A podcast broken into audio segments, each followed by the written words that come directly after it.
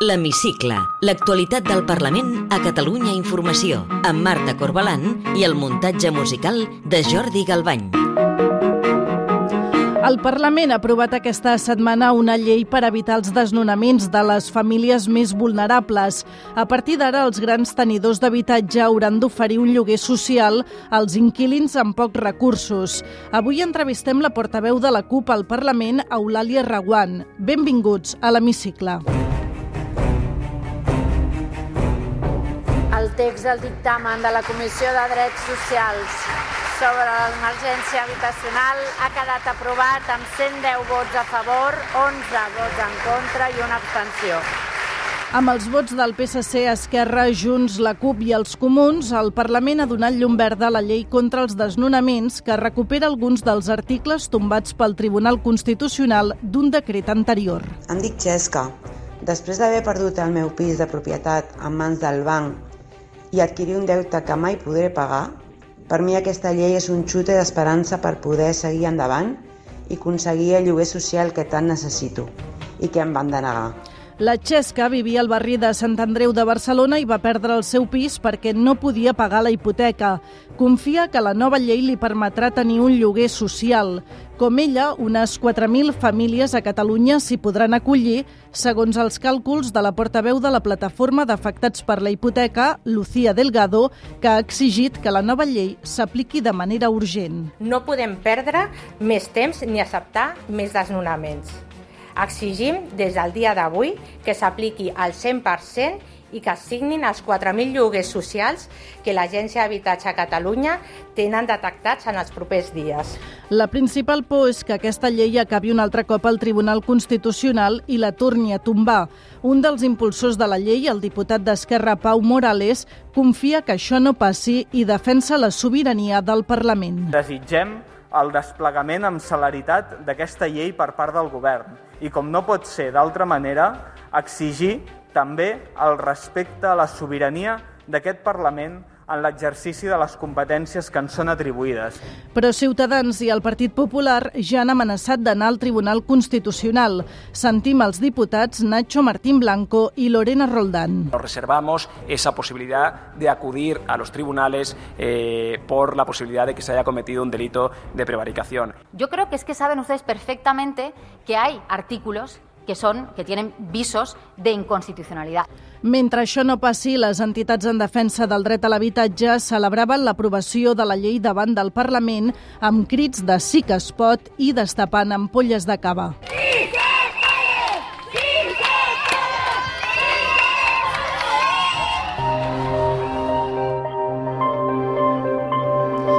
Altra de les lleis que el Parlament ha aprovat aquesta setmana és la que permetrà avalar una trentena d'exalts càrrecs de la Generalitat a qui el Tribunal de Comptes reclama 5,4 milions d'euros com a fiança per les despeses suposadament irregulars en l'acció exterior del govern entre el 2011 i el 2017. La llei, impulsada pel conseller d'Economia, Jaume Giró, ha tingut el suport dels grups independentistes i també del PSC i els comuns. Poden estar segurs que aquesta llei persistirà i que serà un instrument que ens permetrà a tots, a tots nosaltres i a qualsevol servidor públic del futur treballar i servir al país amb la confiança i amb la llibertat d'un país democràtic. La norma permetrà a la Generalitat actuar com una mena d'asseguradora per a funcionaris i els càrrecs encausats a qui es demana diners com a fiança mentre no hi hagi una sentència judicial ferma. El ple del Parlament ha servit també per evidenciar un cop més les febleses de l'estratègia del president Pere Aragonès de negociació amb el govern espanyol. La CUP i Junts per Catalunya han tornat a qüestionar la taula de diàleg i la comissió bilateral de fa una setmana. Sentim la cap de files de la CUP Guanyem, Dolors Sabater, Albert Batet, de Junts i la resposta del president Aragonès. Dona un missatge d'estabilitat del conflicte que ni és el que toca ni és el que ens ajuda en res. Ara mateix no estem en un procés de negociació, estem en un procés de negació. PSOE i Podemos ens neguen la voluntat de ser i de fer com a nació. Sabíem l'abast d'aquesta comissió bilateral, el sabia el conjunt del govern, de la delegació que hi va participar, i malgrat això vam decidir que era important anar-hi. En canvi, el cap de l'oposició, el socialista Salvador Illa, exigeix a Aragonès que, a banda dels espais bilaterals, s'assegui també als òrgans de diàleg multilaterals, com la Conferència de Presidents Autonòmics. Catalunya mereix que el seu màxim representant sigui assegut allà, per discrepar si convé, Vostè demana diàleg, a vegades fins i tot l'exigeix, jo li demano que el practiqui.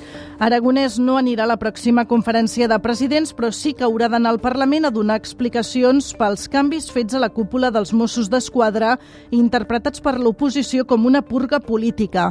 El portaveu d'en Comú Podem, David Cid, ha estat l'impulsor de la compareixença. La Generalitat Republicana era això, apartar a qui lluita contra la corrupció? Aquestes són les preguntes que encara avui no tenen resposta i per això nosaltres demanem el suport de la cambra perquè comparegui el president de la Generalitat. El Parlament ha aprovat finalment per unanimitat la compareixença del president aragonès. Té la paraula Soc la Glòria Reguant, diputada al Parlament de Catalunya per la CUP Un Nou Cicle per Guanyar. La setmana que ve serà jutjada al Tribunal Suprem per desobediència per negar-se a contestar Vox durant el judici de l'1 d'octubre. La Fiscalia li demana sis mesos de presó i inhabilitació. Confia a ser absolta?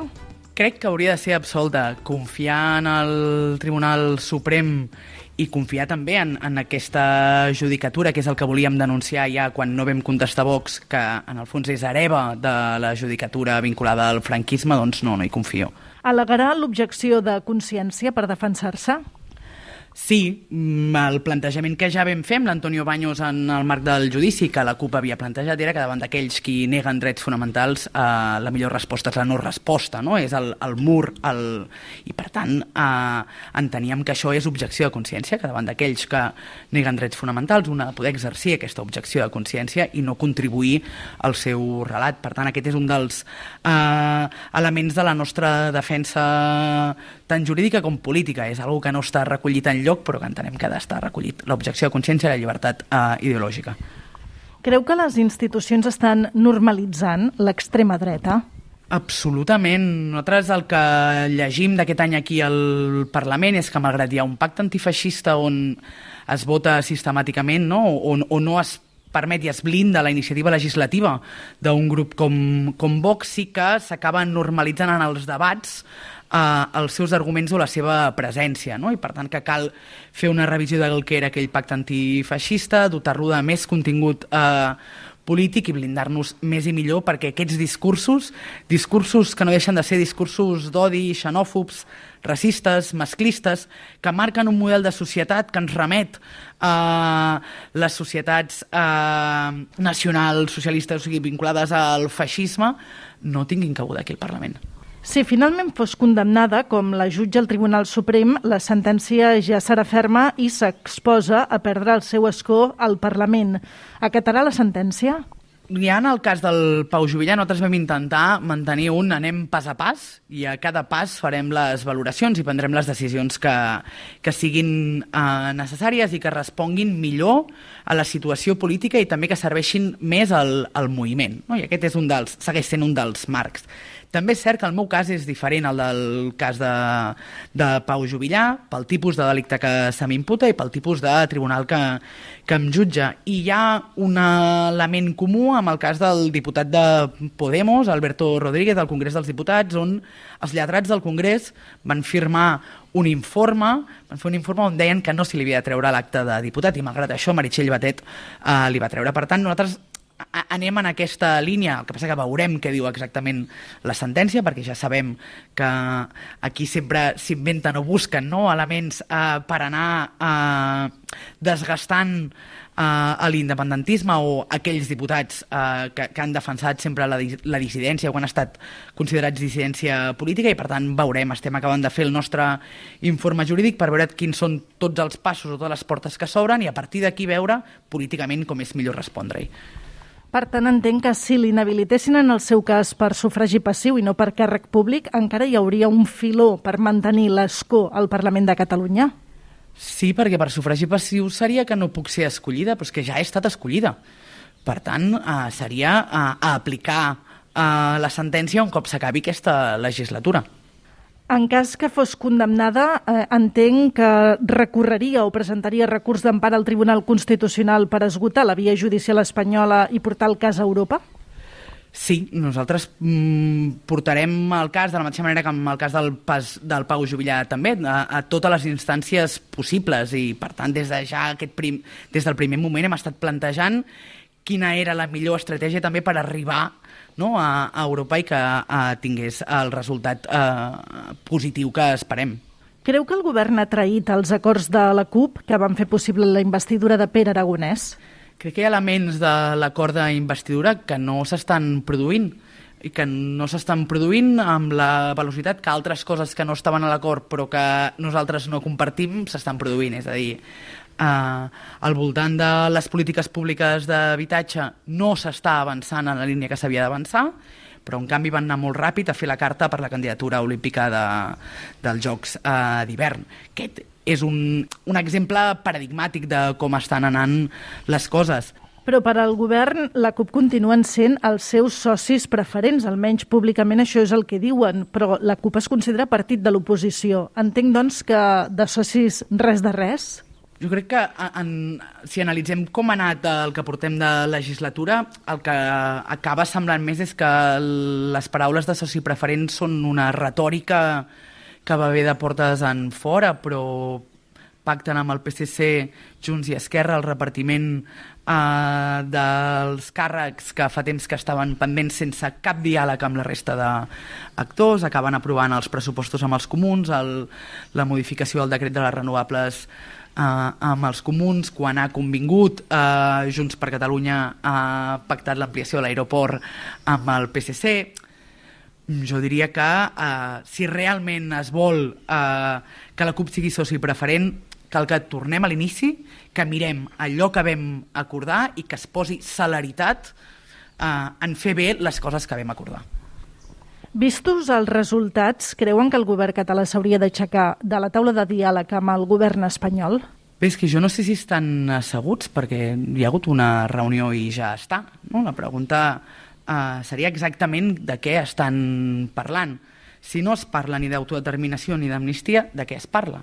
Nosaltres hem dit sempre que, o fa mesos que estem posant sobre la taula, que cal fixar un nou referèndum en aquesta legislatura per mirar cap a, cap a Europa i mirar també i aprendre d'Escòcia de, i Junts per Catalunya no sabem què proposa. Així es fa molt difícil avançar en el pla B, però no renunciem a que això es faci. La proposta de la CUP, com ara també vostè ens recordava, és fixar data per un nou referèndum aquesta legislatura. Però si el govern espanyol no vol pactar aquest referèndum i tampoc té l'aval d'Europa, aleshores seria tornar a fer un nou 1 d'octubre? Jo crec que tampoc ens hem d'avançar en, no, en els esdeveniments. El que nosaltres plantegem és cal uh, fixar un nou referèndum en aquesta legislatura. Per començar, perquè si Esquerra Republicana es creu aquesta taula de diàleg, li ha de donar eh, al·licients al govern de l'Estat per abordar realment la resolució del conflicte, que ara no en té cap el govern del Partit eh, Socialista i Podemos. Seguim dient també que cal fixar eh, un nou referèndum perquè és el que estressa més a l'Estat. És el que li posa de manera més clara el mirall eh, democràtic eh, al, al davant. I cal fixar un nou referèndum perquè tenim eh, el cas d'Escòcia, que planteja fer un referèndum d'autodeterminació el 2023, mirant molt, molt cap, a, cap a Europa i, per tant, aprofitar l'estela del debat sobre el dret a l'autodeterminació a Europa en el marc d'Escòcia entenem que contribueix a guanyar eh, suports o més comprensió per part de, de la comunitat internacional, que és qui al cap i a la fi, al final, haurà d'intervenir, si el que volem és resoldre el conflicte, haurà d'intervenir perquè eh, aquest conflicte es resolgui. Si li sembla bé, ara ens endinsem ja en el terreny més personal i li demano si pot contestar amb respostes ara al màxim de breu possibles. Per què va decidir entrar en política? Volia canviar les coses. Quina injustícia social l'enerva més? L'impossibilitat de molta gent d'accedir a l'habitatge. Creu que els diputats s'haurien de baixar el sou i les dietes? Evidentment. Com desconnecta de la política? Desconnecto poc. Quin diputat o diputada, ideologia a banda, fitxaria per al seu grup? fitxaria l'altre, un dels diputats que està també represaliat, que és el Josep Maria Jové. I ja per acabar, completi la frase següent. El que més m'agradaria del món és... Que visquéssim en una societat realment lliure. Eulàlia Reguant, diputada de la CUP al Parlament, gràcies per atendre'ns a l'hemicicle de Catalunya Informació. Moltes gràcies a vosaltres.